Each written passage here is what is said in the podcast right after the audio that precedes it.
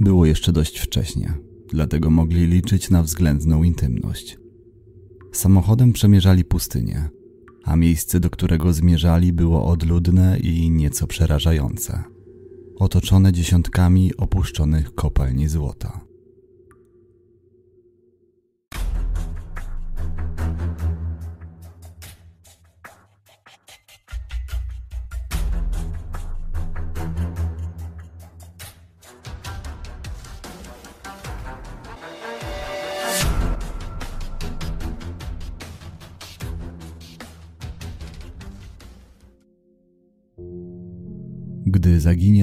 Osoba, świat wywraca się do góry nogami.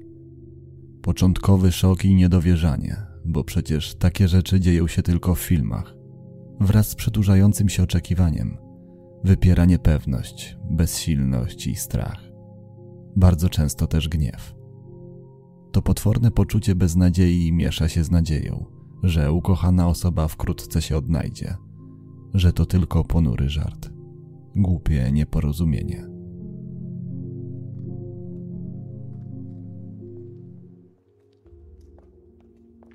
Dziewiętnastoletnia Erin pochodziła z Oak Ridge w stanie Tennessee.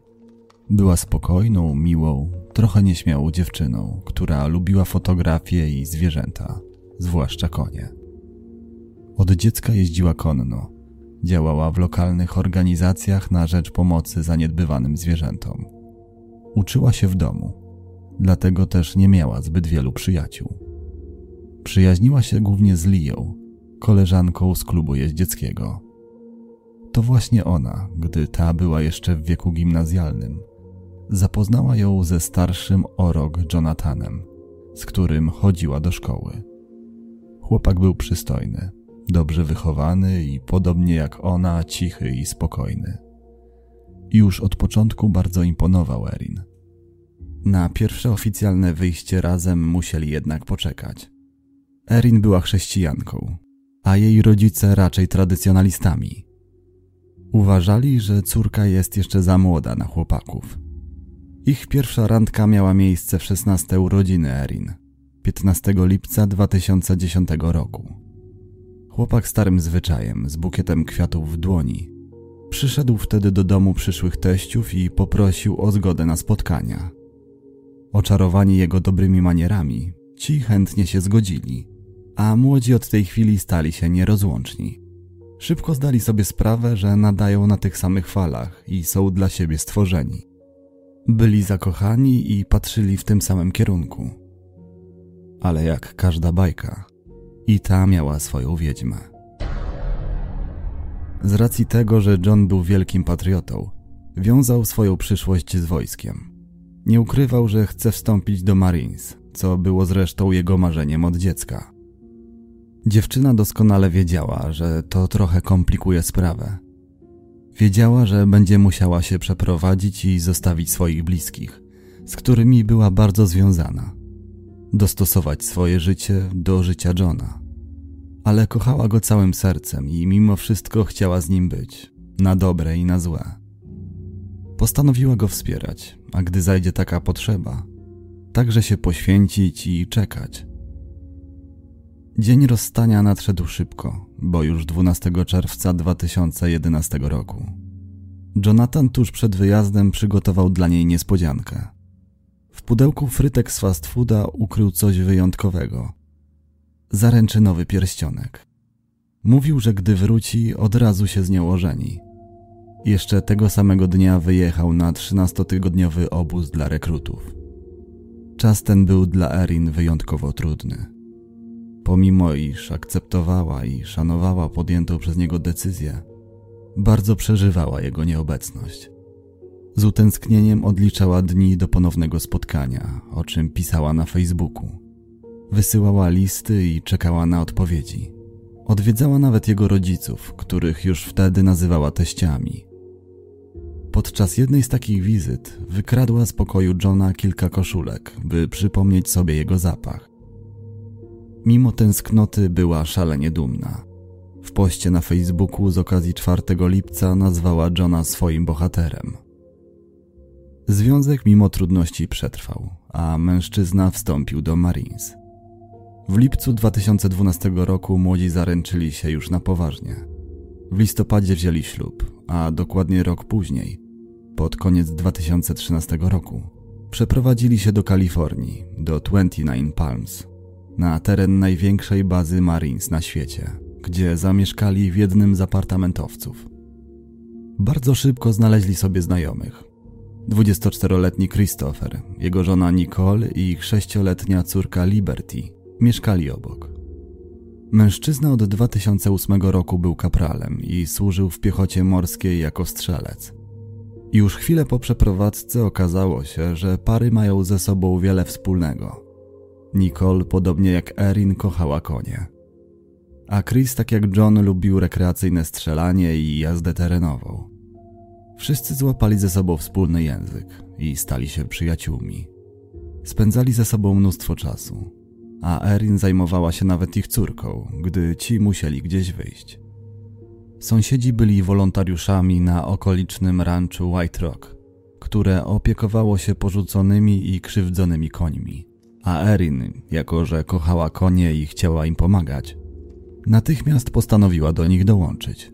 Zaadoptowała nawet jedną ze swoich podopiecznych, ośmioletnią klacz imieniem Cassie, której jak dotąd nikt nie potrafił oswoić. Młodemu małżeństwu układało się więc dość dobrze, ale tylko do czasu. Erin nie pracowała. Już chwilę po przeprowadzce straciła posadę w jednym ze sklepów sieci Tractor Supply, oferującej produkt dla rolników, ogrodników, hodowców czy majsterkowiczów. Życie z jednej pensji nie było łatwe, dlatego wkrótce zaczęli mieć problemy finansowe i coraz częściej dochodziło między nimi do kłótni. Jakby tego było mało, dotknęła ich osobista tragedia. Mimo młodego wieku, zarówno Erin, jak i Jonathan marzyli o powiększeniu rodziny. Dlatego, gdy w styczniu 2014 roku ogłosili na Facebooku, że zostaną rodzicami, wręcz nie mogli uwierzyć w swoje szczęście. Radość trwała jednak tylko krótką chwilę, bo po kilku tygodniach dziewczyna ciążę straciła. Był to dla niej wielki cios, po którym długo nie mogła się podnieść. Nie chciała wychodzić z domu. Ciągle płakała. Liczyła na wsparcie i czułość ze strony męża. W końcu oprócz niego nie miała wokół siebie nikogo z najbliższych. Ale mąż mimo chęci nie sprostał jej oczekiwaniom. Nie potrafił jawnie mówić o uczuciach. I choć cierpiał na równi Zerin, nie mówił o tym na głos. Ból trzymał w środku. Taki już po prostu był. Problem polegał na tym, że Erin o tym nie wiedziała. Nie brała pod uwagę tego, że ludzie w przeróżny sposób reagują na takie tragedie. Odbierała jego zachowanie jako odrzucenie. Twierdziła, że nie obchodzi go to, co się stało. Z tego powodu zaczęła się od niego oddalać, a ciągłe kłótnie o pieniądze tylko pogarszały sprawę. By uciec od problemów i zabić czas, spędzała dużo czasu poza domem, na odległym o 45 minut jazdy samochodem ranczu. A tam zaczęła zakochiwać się w kimś zupełnie innym. Między Erin a Chrisem zaczęło iskrzyć prawdopodobnie już w grudniu 2013 roku. Ich spotkania, początkowo niewinne i koleżeńskie, nierzadko w obecności małżonków, z dnia na dzień zaczęły nabierać innego charakteru i przeniosły się do White Rock, gdzie obydwoje byli wolontariuszami i tym samym mogli widywać się bez wzbudzania podejrzeń. Szukali się wzrokiem, rozpromieniali na swój widok, stwarzali okazję do rozmów, a cokolwiek Chris by nie powiedział, Erin chichotała jak nastolatka. Potrafili godzinami rozmawiać o koniach i o tym, jak jeszcze można im pomóc. Z czasem zaczęli rozmawiać także o życiu. Chris opowiadał Erin o trudnych doświadczeniach z pobytu w Afganistanie, o psychicznych bliznach, które nie chcą się zagoić, o tym, że już lada dzień zostanie zwolniony ze służby i tak naprawdę nie wie co dalej, nie wyobraża sobie innego życia. Dziewczyna bardzo mu współczuła. Nawiązała z nim silną więź, jako że i ją przepełniał smutek. Straciła upragnioną ciążę. Wciąż kłóciła się z mężem o pieniądze. Rozumieli się bez słów. Zaspokajali potrzeby, o których ich małżonkowie nie mieli nawet pojęcia. Dawali sobie czułość, akceptację i wsparcie. Na każdym kroku wymieniali spojrzenia. Gdy przechodzili obok, łapali za ręce. Szukali pustych stajni, ustronnych miejsc, kryjówek, by choć przez krótką chwilę móc ponapawać się swoją obecnością. Było to nieco niebezpieczne.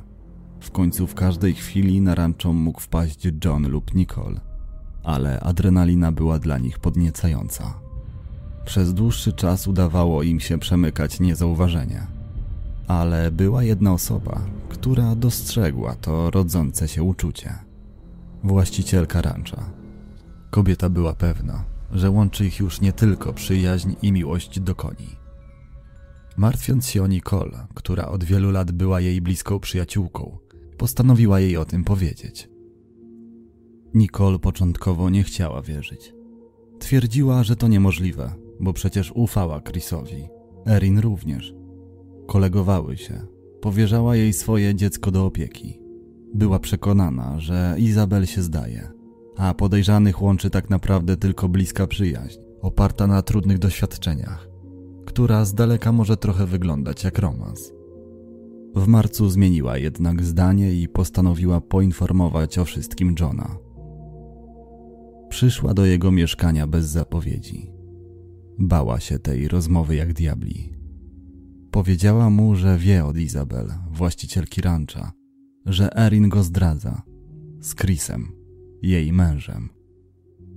Mężczyzna nie mógł wierzyć własnym uszom. Był w szoku.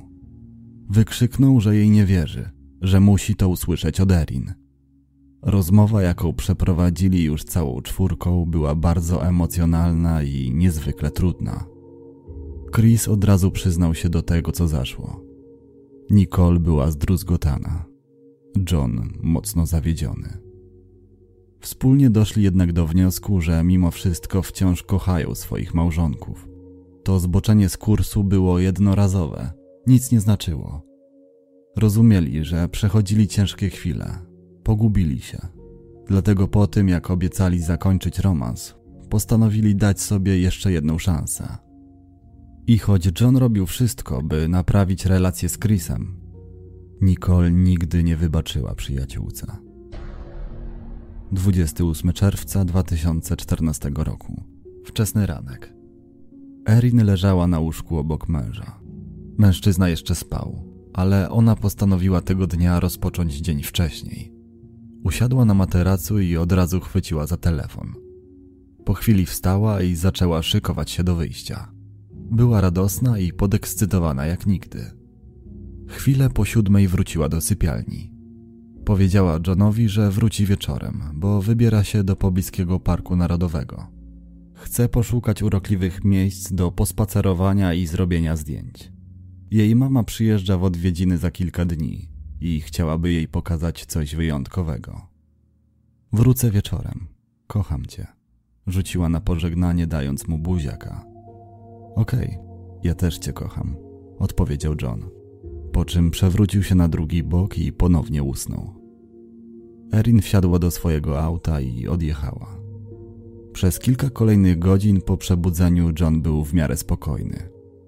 Co prawda, kilka razy bezskutecznie próbował się do żony dodzwonić, ale myślał, że może w parku nie ma zasięgu i gdy Erin tylko go złapie, od razu oddzwoni.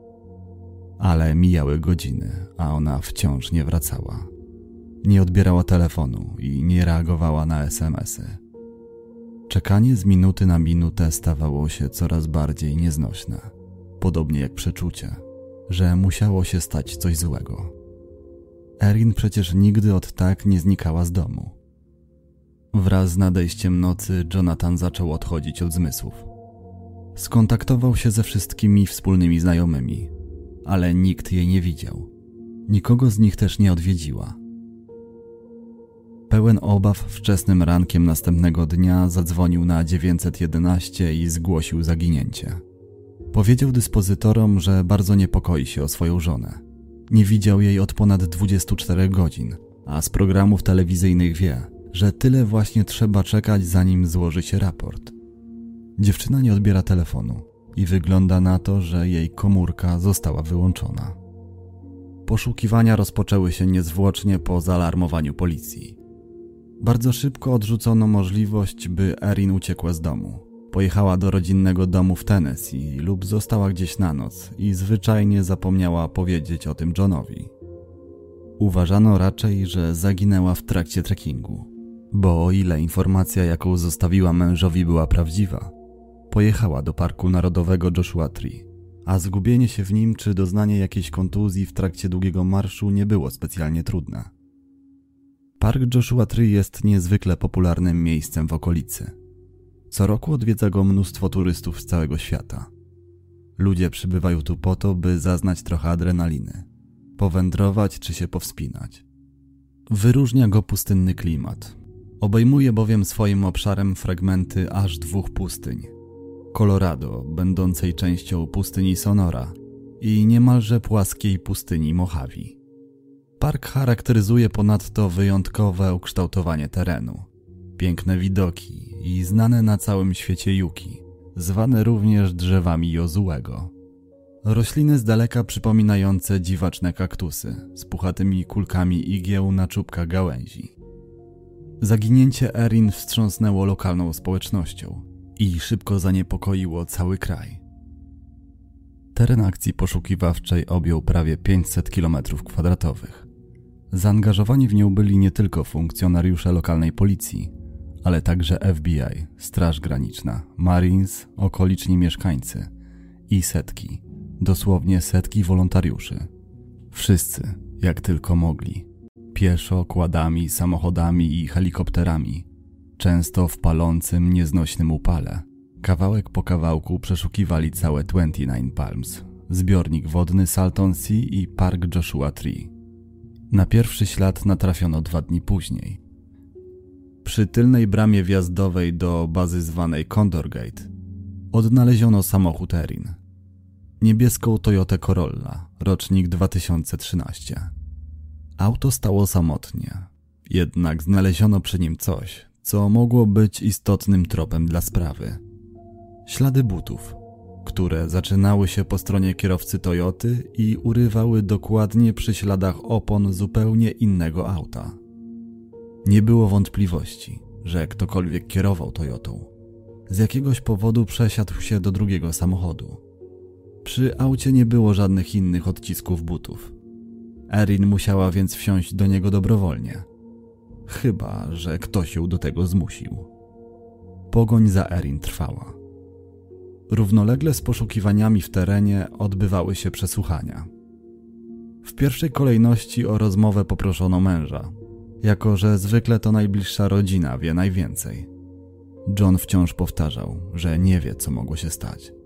Mówił, że ma głęboką nadzieję, że ten koszmar wkrótce się skończy, a Erin odnajdzie się cała i zdrowa. Policja podchodziła do jego zeznań z rezerwą. Nie było powodów, by mu nie wierzyć, ale nie było też nic, co mogłoby świadczyć o jego niewinności. Nie miał alibi. Cały dzień spędził w domu.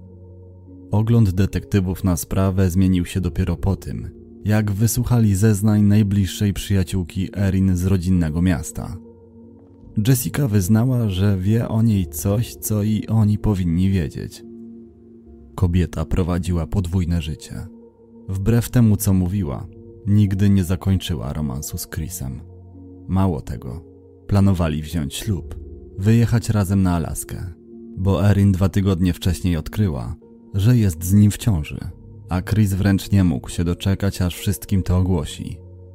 Jessica przeczytała policjantom wiadomości, jakie wymieniła Zerin na kilka dni przed zaginięciem. Wszystko wskazywało na to, że do parku 28 czerwca umówiła się z kochankiem, by świętować ciążę. Mieli polować. Wcale nie poszła szukać ładnych miejsc do robienia zdjęć.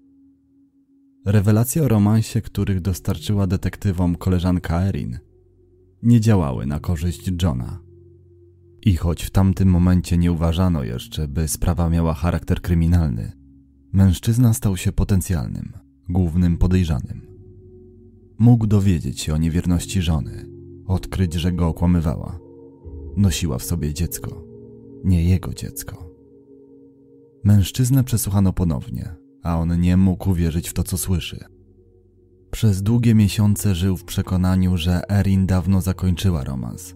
Obiecała mu to. Między nimi w ostatnim czasie układało się świetnie. Nawet w dniu zaginięcia powiedziała mu, że go kocha. John wydawał się być tym wszystkim przytłoczony, wstrząśnięty i mocno rozczarowany. A przede wszystkim, co zwróciło szczególną uwagę detektywów, szczery. Ze łzami w oczach opowiadał jednej z gazet o ostatnim dniu, w którym widział żonę. Mówił, że mimo krzywdy, jaką mu wyrządziła, wciąż ją kocha i ma głęboką nadzieję, że odnajdzie się cała i zdrowa. W to, że John mógł skrzywdzić Erin, nie wierzył nikt, nawet jej matka. Dlatego po tym, jak pozytywnie przeszedł test wariografem, detektywi zaczęli nieco odchodzić od podejrzeń względem niego i baczniej przyglądać się Chrisowi. W końcu on także miał motyw, równie mocny jak John. Romans z bliską przyjaciółką żony, który miał być przeszłością, a który ostatecznie zakończył się ciążą. Mężczyzna mógł przestraszyć się konsekwencji. Był ostatnią osobą, która widziała Erin. To z nim w dniu zaginięcia umówiła się na wycieczkę. Ślady opon zabezpieczone przy jej samochodzie pozostawił jeep, a Chris miał jeepa.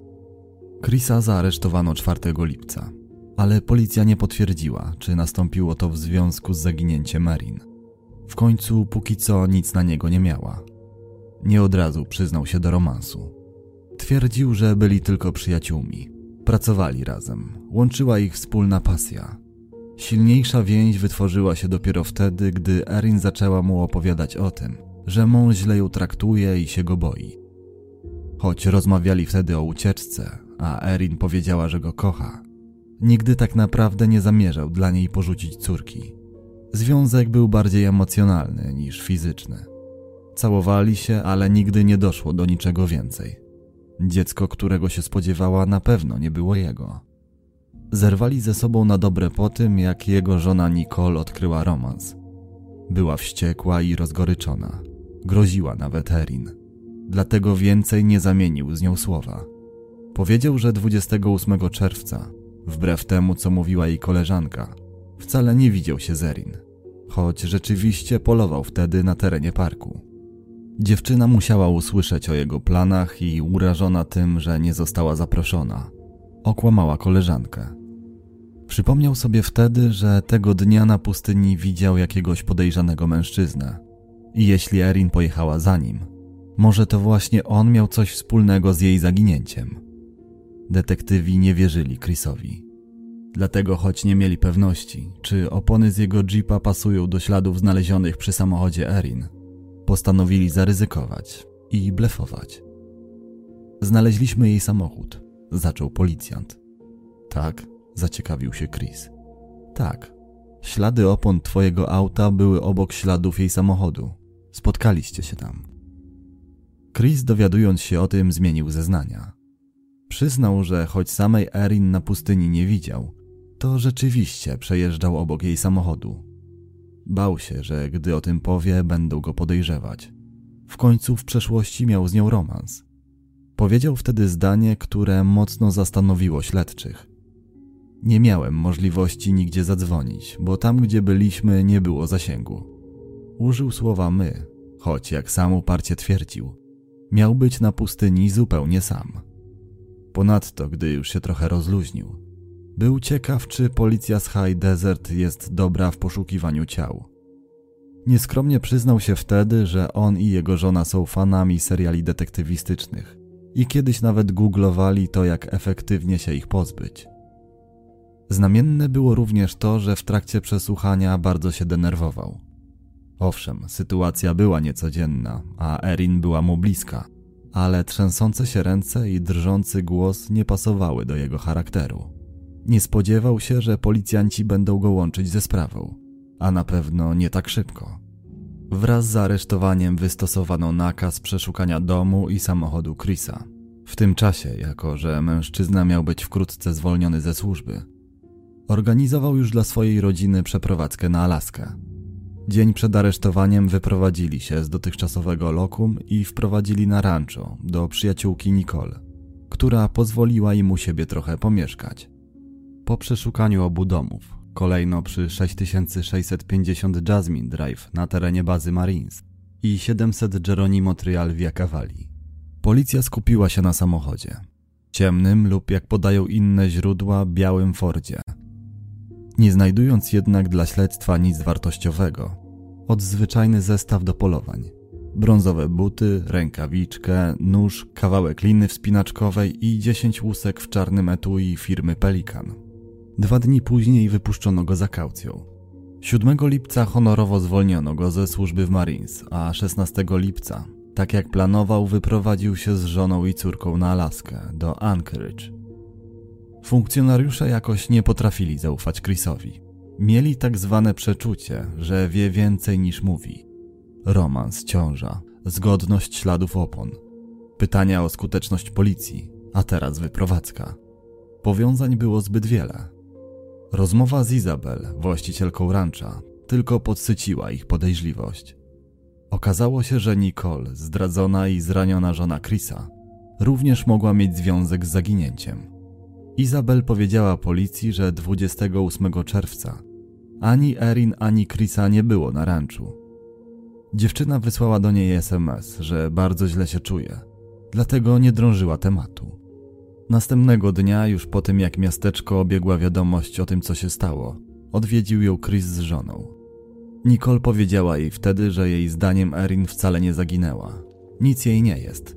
Tylko ukrywa się, bo chce wzbudzić litość w Chrisie i zrobić mu na złość. Bo nie może pogodzić się z odrzuceniem. Nie może zrozumieć, że Chris jej nie kocha, że kocha ją.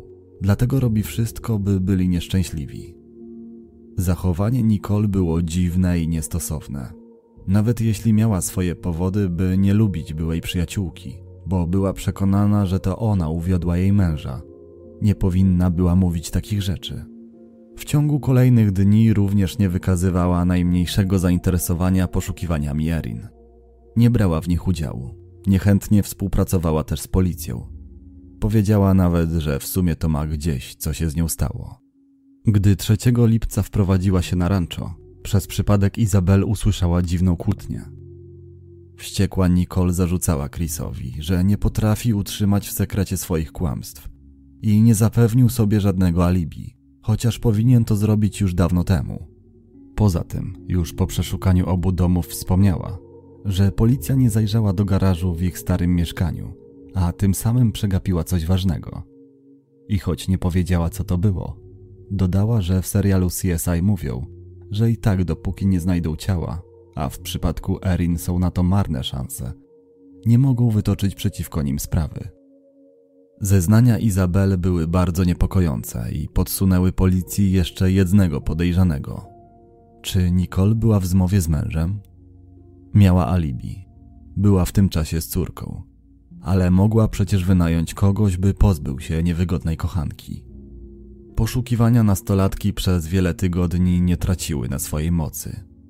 Minął jednak lipiec, rozpoczął sierpień, a po dziewczynie nie było żadnego śladu. Po sprawdzeniu okolicy, a także rancha White Rock, policja skupiła się już tylko i wyłącznie na fragmencie pustyni Mojave, skąd dochodziły ostatnie sygnały z telefonu zaginionej. Szybko ustalono, że jeśli dziewczynie stała się krzywda, szukać jej należy w jednym z licznych na tym obszarze opuszczonych szybów kopalnianych, które pozostawiła za sobą gorączka złota zapoczątkowana w połowie XIX wieku. Działania były jednak bardzo chaotyczne. Kopalnie wybierano przypadkowo, penetrowano pobieżnie, wiele z nich też zapewne pominięto. Z tego względu przez wiele tygodni nie przynosiły żadnych efektów. Niektórzy wolontariusze stracili nieco werwę i wiarę w powodzenie akcji, tym bardziej, że w większości byli to zwykli ludzie, którzy na co dzień musieli chodzić do pracy. Biorąc pod uwagę uprzednie niepowodzenia, policja postanowiła zmienić taktykę i zaangażować w poszukiwania specjalistów od eksplorowania jaskiń, tak zwanych grotołazów. Było to doskonałe posunięcie. Znany w środowisku Doug Billings ustalił wtedy konkretny plan działania. Najpierw skatalogował wszystkie istniejące kopalnie na terenie wskazanym przez detektywów, a następnie wezwał do pomocy kolegów po fachu. Kopalnie, które przeszukiwali, były różne. Jedne płytkie, proste do sprawdzenia w kilka minut. Inne głębsze, wymagające znacznie większego zaangażowania i sprzętu. Wykorzystywali psy tropiące, aparaty i kamery, które spuszczali w ciemność na kablach. Sprawdzili ponad 100 szybów, póki co bez skutku. Po pewnym czasie detektywom udało się zawęzić obszar poszukiwań do okręgów górniczych między Rose of Peru, Brooklyn i Los Angeles.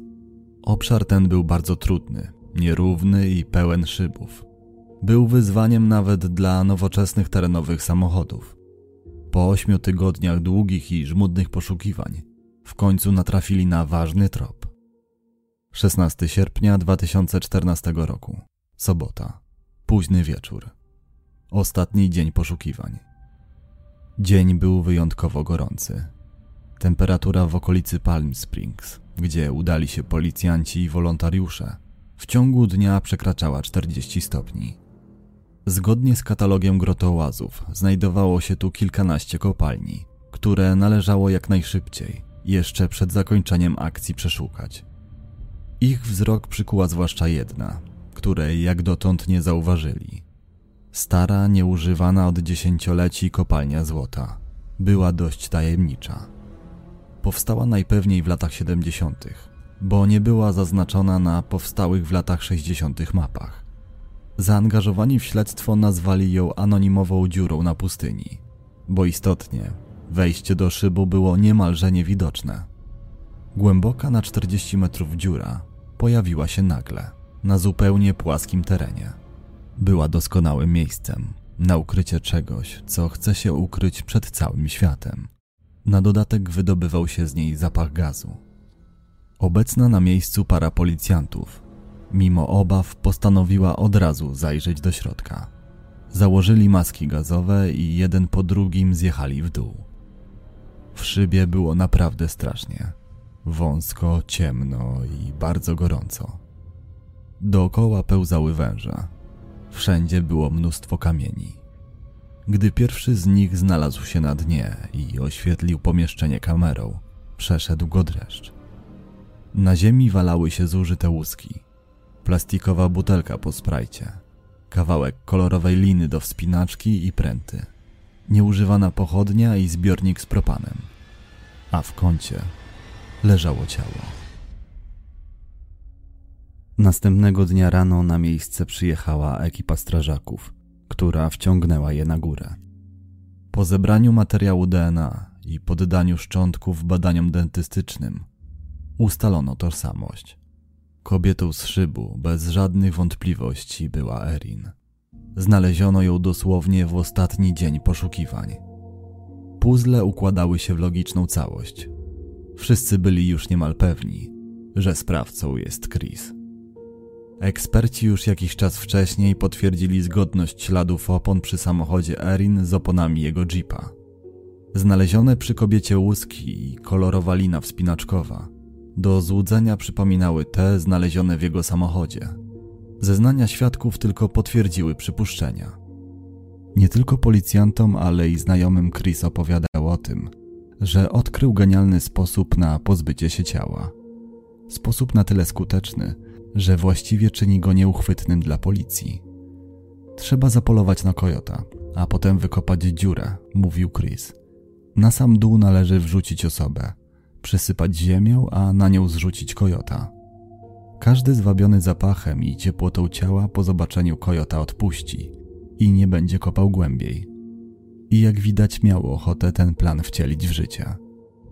Dzień przed zaginięciem pożyczył od Izabel butlę z gazem, a następnie rankiem pojechał do sąsiada, by zaproponować mu wypad na kojoty. Mężczyzna odmówił, bo miał inne plany, ale zainteresował się tajemniczym zbiornikiem. Na pytanie, co ma zamiar z nim zrobić, Chris odpowiedział, że chce wysadzić szyb starej kopalni. Wyniki badań materiału DNA z butelki Sprite'a znalezionej w szybie przesądziły sprawę. Należało nie tylko do Erin, ale i Chrisa. 28 czerwca 2014 roku. Wczesny ranek. Kilkanaście dni przed dwudziestymi urodzinami Erin. Tego pięknego dnia, który zapewne nie różnił się wiele od innych podobnych dni, Chris zaprosił Erin na romantyczną randkę niespodziankę. Kobieta czuła, że w jej trakcie stanie się coś wyjątkowego.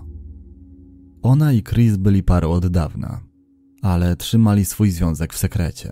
Mimo, że setki razy rozmawiali już o wspólnej przyszłości, nigdy nie było odpowiedniego momentu, by w końcu zacząć ją realizować. Sytuacja była nieco utrudniona, bo każde z nich miało partnerów, a Chris także dziecko, które bardzo kochał. Mimo wszystko Erin miała nadzieję, że ukochany wkrótce jej się oświadczy. Była w ciąży, a mężczyzna bardzo ucieszył się na wieść o dziecku. Podekscytowana romantyczną wizją przyszłości, rankiem około 7.19 zadzwoniła do Jessiki, swojej najbliższej przyjaciółki z Tennessee. Poinformowała ją z radością, że zaraz wychodzi, że nie może się doczekać. Erin już od początku na bieżąco informowała Jessikę o rozwoju relacji z Chrisem, a koleżanka mocno kibicowała tej miłości. Wiedziała, że dziewczyna jest szczęśliwa, że w końcu odnalazła sens życia. W ostatnich dniach nastolatka wręcz bombardowała przyjaciółkę radosnymi SMS-ami o tym, że sekretny kochanek szykuje dla niej coś specjalnego. Chris zabiera mnie na wycieczkę niespodziankę na pustynię. Będziemy polować, ale myślę, że chodzi o coś dużego. Nie wiem, co planuję, ale mam kilka pomysłów. Pisała Erin. Myślisz, że da ci pierścionek? Pytała Jessica. Może, odpisała dziewiętnastolatka, okraszając słowo może kilkunastoma wykrzyknikami. Ostatnio bawił się moim pierścionkiem na palcu, ale nie chcę nic mówić. Zobaczymy. O Krysie zawsze pisała ciepło. Ufała mu i była w nim głęboko zakochana. Nie przeszkadzało jej to, że bywał egoistyczny, impulsywny, pochopny i lekkomyślny. Po krótkiej rozmowie z przyjaciółką wróciła do sypialni, gdzie spał jej mąż. Pożegnała się z nim buziakiem i słowami kocham cię. Wsiadła do auta i odjechała. Chris czekał na nią tuż przy bramie Condorgate. Erin przesiadła się do niego. Dwugodzinna jazda minęła szybko i było całkiem miło. Przynajmniej na początku, bo wkrótce atmosfera zrobiła się naprawdę ciężka. Chłopak w pewnym momencie stwierdził, że ma ochotę wysadzić szyb starej kopalni i żeby Erin poszła z nim. Nie chciała tego zrobić. Twierdziła, że to głupie i niebezpieczne. Wolała trzymać się od tego z daleka i zostać w aucie. Dlatego poszedł sam, ale rozgoryczony porażką wrócił już po kilku minutach. Nie udało się, bo wziął ze sobą za mało gazu. Zaczęli rozmawiać, a od słowa do słowa ich rozmowa przerodziła się w kłótnię. Tak naprawdę nie wiadomo, co było jej powodem. Trudno nawet stwierdzić, czy w ogóle do niej doszło. Wszystko, co wiemy, wiemy bowiem od Chrisa. Tylko on był na miejscu wydarzeń. Erin wyszła z samochodu. Chris powiedział jej wtedy, że chce to skończyć. Że chce wyjechać na Alaskę ze swoją rodziną i zacząć życie na nowo. Bez niej. Wspomniał, że Nicole podejrzewa, że gdy ostatnio opiekowała się ich córką, zrobiła jej krzywdę, a Erin miała się do tego przyznać. Wściekł się, chwycił za sznur, który zabrał ze sobą na rzekome polowanie. Zaszedł Erin od tyłu. Po pięciu minutach zrzucił jej bezwładne ciało do opuszczonej, wręcz niezauważalnej na pierwszy rzut oka starej kopalni złota, którą próbował wcześniej wysadzić. Zostawił ją samą w ciemnym, opuszczonym szybie, jak gdyby nigdy nic wrócił do normalnego życia. Na szczęście, tylko na krótką chwilę. Chris został zaresztowany dzień po odnalezieniu Erin, w niedzielę 17 sierpnia o godzinie 21. Przesłuchiwano go kilkukrotnie, zanim w końcu przyznał się do winy. Wyjawił, że kłamał, by uniknąć aresztowania. Twierdził, że zrobił to, co zrobił pod wpływem chwili, w przypływie nienawiści, bo był na Erin wściekły za córkę. Nie planował tego. W trakcie rozprawy milczał. Patrzył prosto przed siebie. 29 listopada 2016 roku został skazany na dożywocie, bez możliwości ubiegania się o przedterminowe zwolnienie. Nikt nie wierzył w jego bajeczkę o córce. Każdy, kto znał Erin, wiedział, że jak nikt kochała dzieci. Całym sercem kochała także Liberty. Uznano, że Chris działał z premedytacją. Zwabił dziewiętnastolatkę i pozbył się jej, by uniknąć konfrontacji z żoną. Nie wybaczyłaby mu, gdyby dowiedziała się o dziecku. Nicole nie pojawiła się w sądzie. Nigdy nie przyznała się do jakiegokolwiek związku z zaginięciem Erin. Nie wystosowano przeciwko niej też żadnych zarzutów. Przez wzgląd na stan ciała nie udało się ustalić, czy Erin rzeczywiście była w ciąży. Była miłą, młodą dziewczyną, która kochała rozmawiać z ludźmi i im pomagać. Ekscytowała się życiem, zawsze głośno się śmiała. Była radosna i roztaczała wokół siebie pozytywną aurę. Jedyne co nam pozostało to pamięć, mówił prokurator. Nie możemy o niej zapomnieć. 25 sierpnia 2014 roku w poniedziałek, tydzień po odnalezieniu, w 29 Palms odbyło się uroczyste czuwanie w intencji Erin. Na miejsce przybyła ponad setka żałobników. Do płotu okalającego Lucky Park przywiązano fioletowe wstążki na znak pożegnania. Fioletowy był ulubionym kolorem Erin. Do usłyszenia wkrótce. Pozdrawiam.